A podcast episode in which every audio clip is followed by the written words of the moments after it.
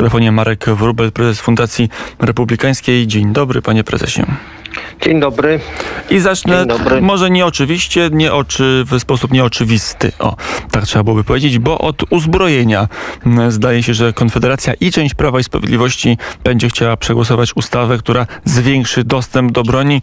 Wiem skądinąd, że Fundacja Republikańska pracowała nad tym tematem ostatnio i ma swoje własne przemyślenia. Tak.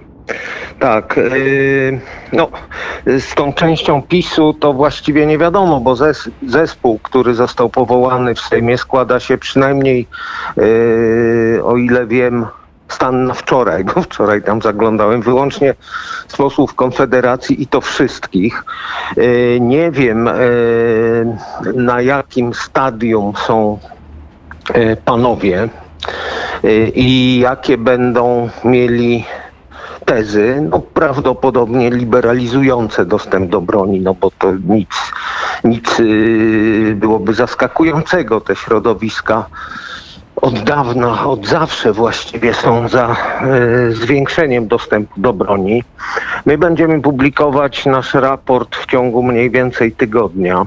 Trzeba też pamiętać, że jest y, projekt Ministerstwa Spraw Wewnętrznych, o którym wiemy tyle, ile ministerstwo ujawniło, czyli e, no, do, mamy opublikowane uzasadnienie projektu.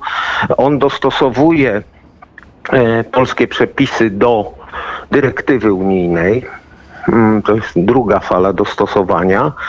No i, i zobaczymy. Ja, ja myślę, że pewne, mimo powszechnego przekonania, że PiS chce zamknąć do końca, rozbroić resztę i tak już rozbrojonych Polaków, tam jednak pewne, mm, pewne kroki w stronę nie tyle liberalizacji, ile racjonalizacji yy, dostępu do broni będą poczynione. Ja jestem tutaj umiarkowanym optymistą. E, Na właśnie, ale op optymistą to znaczy, żeby tej broni było więcej. Po co nam więcej e, broni? W Stanach toczy się debata zupełnie o przeciwstawnym wektorze, żeby dostępu do broni było mniej. No, jak się patrzy na statystyki, no to oczywiście w, w Stanach zginąć w strzelaninie to nie jest duży e, problem. W Polsce no jednak no tak, się tylko... nie, nie strzelamy do siebie masowo. Może to jest rozwiązanie. Tylko w Stanach Zjednoczonych dostęp do broni jest, y, no przy, przynajmniej w niektórych stanach, kompletnie swobodny.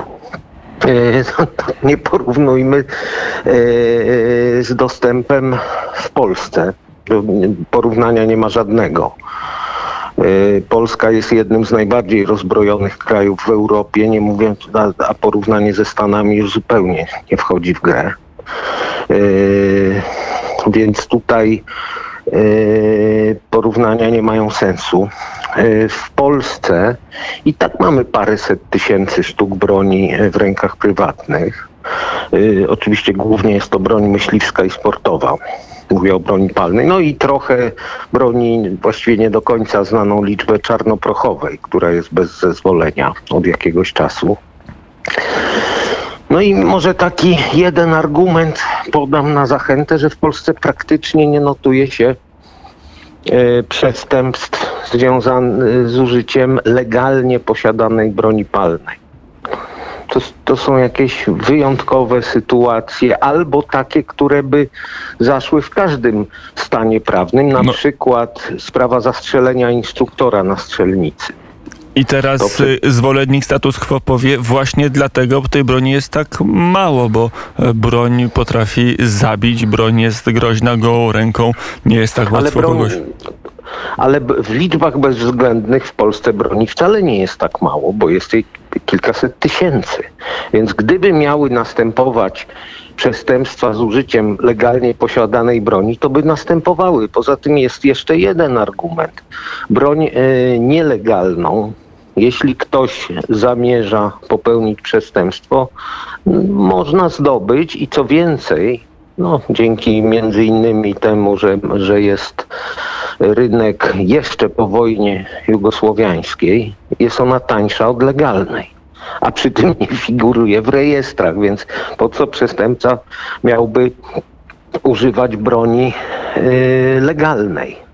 Y, natomiast jeśli chodzi o przestępstwa w afekcie, to przecież nikt rozsądny nie y, postuluje, żeby można było kupować broń palną w hipermarkecie i żeby można y, było swobodnie z nią chodzić. Tu raczej chodzi o to, żeby zwiększyć kulturę i, i zwyczaje związane z bronią palną, co również ma wpływ na obronność kraju, na, na organizacje proobronne itd., tak itd. Tak Zresztą PiS do pewnego stopnia idzie, szedł w tym kierunku, na przykład ogłaszając program budowy strzelnic. Yy, więc yy, tu nie chodzi o to, żebyśmy chodzili uzbrojeni jak kowboje yy, na dzikim zachodzie, tylko chodzi o to, żeby Polak był oswojony z bronią, nie bał się jej, umiał ją obsłużyć a nie po to, żeby, y, a nie, nie po to, żeby miał w domu arsenał i, i rozstrzygał konflikty z sąsiadem za jego pomocą. To da się wyważyć. Nikt, nikt rozsądny, zresztą nie sądzę, żeby konfeder... Zresztą Konfederacja też nie zapowiada tego, nie, prób, nie będzie postulował całkowitej liberalizacji, tylko yy, niewielkie zwiększenie dostępu i przede wszystkim obiektywizację kryteriów.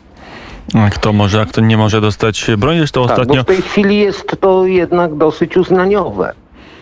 Ostatnio strzelectwo robi się w Polsce coraz bardziej popularne. Strzelnice wyrastają niemalże jak na drożdżach, a liczba osób, które tam uczęszczają, żeby sobie postrzelać, też rośnie dość szybko. Tak, a przemysł polski niewiele z tego ma, ponieważ, ponieważ trudności z yy, uzyskaniem pozwolenia wpływają też na, yy, na rynek producentów. To jest jeszcze jeden aspekt. No dobrze, odłóżmy kwestię strzelnictwa. Ustawa e, trafi prawie na pewno do Sejmu. Czy będzie przyjęta? To już jest zupełnie inne pytanie i na nie kiedyś odpowiemy, kiedy jej dokładny kształt się wykuje w polskim parlamencie e, i w specjalnym zespole tego przez posłów Konfederacji.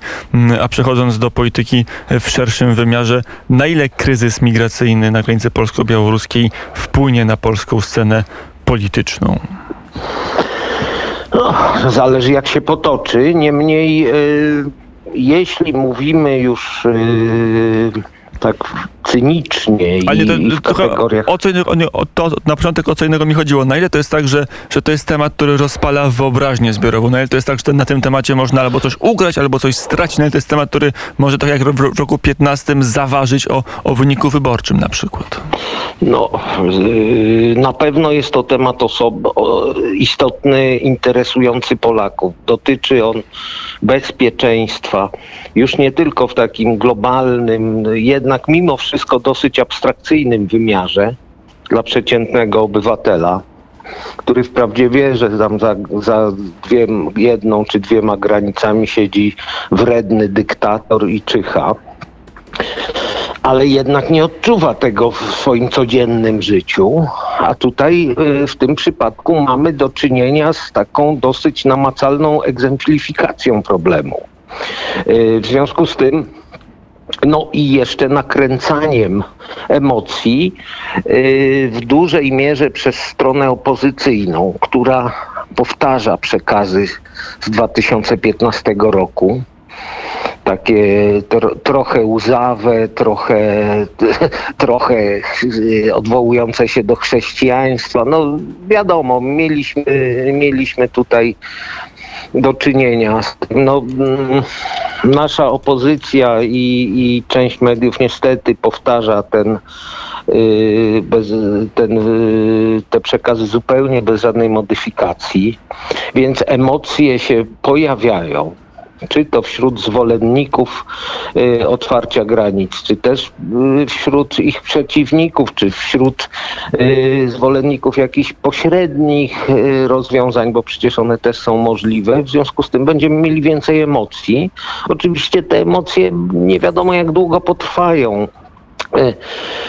Ja, ja powiem tak, tym krócej, moim zdaniem potrwają tym krócej, im bardziej skuteczna będzie ochrona granicy bo wtedy nacisk zelżeje. Jeśli, jeśli ochrona granic, a właściwie gra, e, granicy, a właściwie granic, bo przecież Polska nie jest tutaj sama w tej rozgrywce, bo, bo co najmniej kraje bałtyckie i Ukraina w tej chwili biorą w niej udział, ale też i inne kraje unijne. Więc jeśli Europa, a, a w tym Polska, poradzi sobie z napływem, z niekontrolowanym napływem imigrantów, to te emocje będą y, zapewne wygasać. Natomiast jeśli oni będą przepuszczani, będą z tego tytułu jakieś kłopoty. Takie jak widzieliśmy kilka lat temu nas na szczęście ominęły, y, no to będzie to ważny temat debaty publicznej przez nie odważę się powiedzieć jak długo, ale na pewno wiele miesięcy. I będzie dyskutowany. I będzie wpływał na notowania partii, będzie wpływał na zaufanie do polityków i tak dalej, i tak dalej. To przejdźmy do meritum. Kluczowe pytanie, na ile przyjmować tych migrantów, którzy przechodzą z terytorium mm, Białorusi. Różne są informacje, chociaż dominuje najbardziej sprawdzona i najbardziej wiarygodna jest ta informacja, że większość z tych migrantów jest przewieziona przez reżim Aleksandra Łukaszenki, który za to zgarnął pieniądze. Mówi się o kwotach 8-10 tysięcy dolarów od każdego migranta, którego w cudzysłowie obsługuje reżim Łukaszenki. Tak. reżim, który jak wody, jak tlenu e, potrzebuje dewiz. Nie jest to może wielki tak. strumień, ale zawsze się przyda. No, ten strumień może być znacznie większy e, w wypadku, jeśli biznes będzie się kręcił, czyli jeśli migranci będą przenikać masowo przez granicę. No, na razie na razie naszym służbom, e, podobnie z tego co wiem, jak litewskim, udaje się e, hamować e, dosyć skutecznie fale. Ale po pierwsze, jednak setki osób przeniknęły i one już są, czy to u nas, czy na Litwie. Po drugie, ta fala przecież dopiero wzbiera. Przecież to nie są jeszcze Afgańczycy. Oczywiście jacyś Afgańczycy wśród tych ludzi się znajdują, no ale jednak y, znaczną większość stanowią obywatele innych krajów, na czele z Irakiem, y, z którego y, Białorusini organizują regularne loty po parę dziennie. Więc no, ja, ja, ja myślę, że główna próba jeszcze przed nami. To jest y, zresztą również narzędzie polityczne. No to w ostatnich dniach więcej się mówi o tym aspekcie biznesowym. To prawda. Łukaszenka na tym zarabia, jego aparat, podobnie zresztą jak na przemycie papierosów czy alkoholu, bo to, to nie jest prywatny biznes tam. To jest biznes co najmniej pod y, ścisłą opieką y, reżimu białoruskiego. E, a, a, a w pewnej mierze również i państwowy, o czym różne raporty można e, przeczytać, więc e, to jest oczywiście kwestia pieniędzy. E, eksport białoruski od, od protestów spadł o połowę. Białoruś jest w zasadzie bankrutem jest również pariasem na arenie międzynarodowej, więc Łukaszenka ima się y, najróżniejszych, oczywiście za zgodą, a może nawet y, na, y, za zachętą Moskwy, bo w tej chwili on już nie robi raczej nic, co nie byłoby z Moskwą uzgodnione. Ko koniec z grą. E, z Putinem. E, no, w każdym razie on tutaj ma jakby podwójny cel, czyli po pierwsze nacisk na Zachód, żeby negocjować, a po drugie pieniądze do własnej kieszeni i również na zasilenie y, w pewnym sensie y, być może na zasilenie budżetu. Białoruś ma zupełnie inną strukturę budżetową niż Polska. Tam są de facto dwa budżety państwa, jeden prezydencki i on jest owiany mgłą tajemnicy.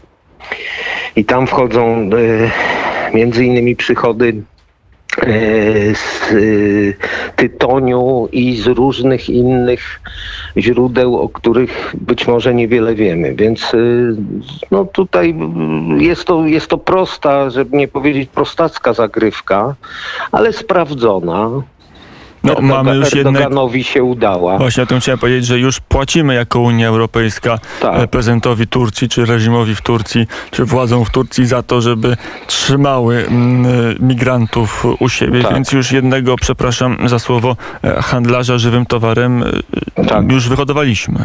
A trzeba, trzeba pamiętać, że Erdogan czy Łukaszence to prawdziwy Europejczyk i subtelny gracz.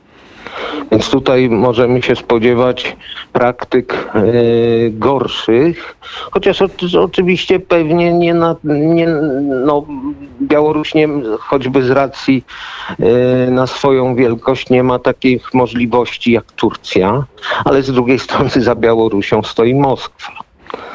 I to już jest znacznie poważniejsze. My dzisiaj w Kurierze w samo południe jeszcze oczywiście do kwestii migracyjnej wrócimy, bo ona będzie rozpalać naszą wyobraźnię i naszą scenę polityczną i nasz system bezpieczeństwa, co chyba najistotniejsze e, w najbliższych tygodniach na pewno. A, a na koniec, panie prezesie Marek Wrubel, prezes Fundacji Republikańskiej przy telefonie Radia Wnet zapytałbym o taką czystą konstrukcję polskiej sceny politycznej. Dzisiaj rano gościem poranka wnet, Wnet był Jarosław Gowin, który powiedział innymi, że jeśli byłoby takie głosowanie nad wotum nieufności dla rządu, dla premiera Mateusza Morawieckiego, to on by był za, za tym, żeby odwołać Mateusza Morawieckiego. Jak w tej chwili wygląda stabilność koalicji rządzącej? Na ile PiS może sobie poradzić z rządzeniem bez Jarosława Gowina i piątki jego posłów? No, ilu, ilu posłów to jeszcze się okaże. Tam myślę, że, że y, no, liczby w tej chwili są rozłożone pół na pół. Y, Jarosław Kaczyński mo, może, li, znaczy tak, zacznijmy od tego, że wątpię bardzo w wotum nieufności wobec e, rządu e, Mateusza Morawieckiego. No, to było pytanie hipotetyczne, ale też tak. pokazujące, gdzie jest obecnie Jarosław Gowin i jakie ma nastawienie do, e, do no, obecnego ja, rządu. Jarosław, Dopiero co był wicepremierem. Gowin ma, no, nawet nie, nie powiedziałbym, że zmienił swoje nastawienie o 180 stopni w ciągu ostatnich tygodni. Powiedziałbym, że zmienił je o 90 stopni, ponieważ i tak stał bokiem do własnego rządu już, yy, już od dłuższego czasu. E, natomiast pytanie, czy tak, e, ważne jest, czy to pytanie ma charakter hipotetyczny, czy ma charakter realny. Bo jeśli ma charakter hipotetyczny, to nie ma o czym gadać, a moim zdaniem taki charakter właśnie nosi, dlatego że nikt nie jest przygotowany do przyspieszonych wyborów. A już na pewno nie Jarosław Gowin, który prawdopodobnie utonąłby z kretesem, może ocaliłby siebie, natomiast nie miałby już żadnej organizacji stojącej za nim porozumienie przed tym kryzysem, no przed wyjściem Adama Bielana, Yy, czyli parę miesięcy temu, było całkiem liczną i poważną partią o, o, dość rozbudowanych strukturach, jak na partię przystawkową. Yy, jeśli Jarosław Gowin yy, dzisiaj startował, powiedzmy z list PSL-u, czy innych, no, z biorącego mie miejsca, to pewnie do Sejmu sam by wszedł, ale wszedłby dosłownie sam. To nie jest dobra y, perspektywa dla polityka, który no, już raczej zbliża się do końca swojej kariery z uwagi na wiek Y, więc on nie może sobie pozwolić na ciągłe nowe otwarcia. Y, podobnie y, taka lewica nie jest kompletnie przygotowana, zresztą również i PSL, on balansuje na granicy progu. No, PiS oczywiście nie chciałby wyborów teraz ze względu na to, że mamy spodziewaną czwartą falę, plus nie zdążył jeszcze wyzyskać nawet części potencjału Polskiego Ładu. Wprawdzie Polski Ład nadaje się również na program wyborczy, ale dobrze byłoby iść do wyborów, mając, yy, mając yy, chociaż jakąś istotną część zrealizowaną, prawda? Natomiast co do Platformy, to momentum y, tuskowe chyba jest dosyć y, wątpliwe. Więc tutaj też nie sądzę, żeby, żeby y, liderzy Platformy byli entuzjastyczni wobec jak najszybszych wyborów. Y, Natomiast co do rządzenia, no to da się rządzić y, nie mając większości parlamentarnej, co praktyka wielokrotnie pokazywała. Do ustaw można montować koalicję, można negocjować. Już słyszymy, że jest, nie wiem na ile jest to pogłoska czy kaczka dziennikarska, na ile prawda. Podobno już mówimy o składce 3%, a nie 9%. Polski Ład zresztą jest tak zbudowany, że, że jest dosyć elastyczny. No, pytanie, czy nie za bardzo, bo kiedy też us- usłyszałem tą informację, że to może będzie 3, a nie 9%, to miałem taką, się też na Twitterze pojawiło, miałem też taką wątpliwość, czy przypadkiem te wszystkie liczby nie są losowo dodawane do tego programu, bo raz słyszymy 9, potem powszechnie, potem 3, to te, trochę te kolejne zmiany tego programu odbierają mu powagę. Ale, ale on jest elastyczny w założeniu, co zresztą było komunikowane od samego początku. Można go zrealizować w części i też będzie dobrze. Co więcej, znaczy, istotną część Polskiego Ładu można zrealizować bez Sejmu, czyli bez nowych ustaw. Yy, tę część inwestycyjną. Więc ym, no, no tak czy inaczej nie, nie sądzę, żeby ktoś w tej chwili parł do przyspieszonych wyborów, nawet Hołownia który y, przecież przez y, cały, całą dotychczasową kadencję był, był jedynym, któremu przyspieszone wybory by się opłacały, ale już nie, ze względu na powrót Tuska. Więc y, oczywiście mogą się zdarzyć jakieś zdarzenia, które y, do przyspieszonych wyborów doprowadzą, ale to raczej będzie decyzja Jarosława Kaczyńskiego niż kogoś z opozycji. Powiedział, Raczej, raczej Kaczyńskiego, jeśli już. Mm, powiedział Marek Wróbel. To się na koniec e, sprawdzimy pana prezesa intuicję. Jak pan myśli, dojdzie do szybszych wyborów? O tym, o czym się mówi, że może na wiosnę to Jarosław Gowin, mm, znowu go jeszcze raz wspomnę, tego polityka, e, mówił, że taki jest plan Jarosława Kaczyńskiego, żeby zrobić na wiosnę wybory. No, Jarosław Kaczyński zawsze ma jakiś plan, to trzeba pamiętać, a później ten plan może ulec modyfikacji, więc ja nie, nie wykluczam, że taki plan istnieje, co nie znaczy, że do tego dojdzie. No, do przyspieszonych wyborów dojdzie wtedy, kiedy, e, kiedy Prawo i Sprawiedliwość uzna, że się nie da e, dalej rządzić, albo kiedy uzna, że e, jest prawie pewne, że nowe wybory poprawią sytuację PiSu, czyli będzie miał bezwzględną, yy, bezdyskusyjną większość i tak dalej, i tak dalej. Wtedy rzeczywiście może dojść do, do decyzji o przyspieszonych wyborach, natomiast w tej chwili moim zdaniem yy, takie warunki nie występują. Mm, Powiedział Marek Wróbel, prezes Fundacji Republikańskiej. Bardzo serdecznie dziękuję za rozmowę. Dziękuję serdecznie. Mm, I do usłyszenia.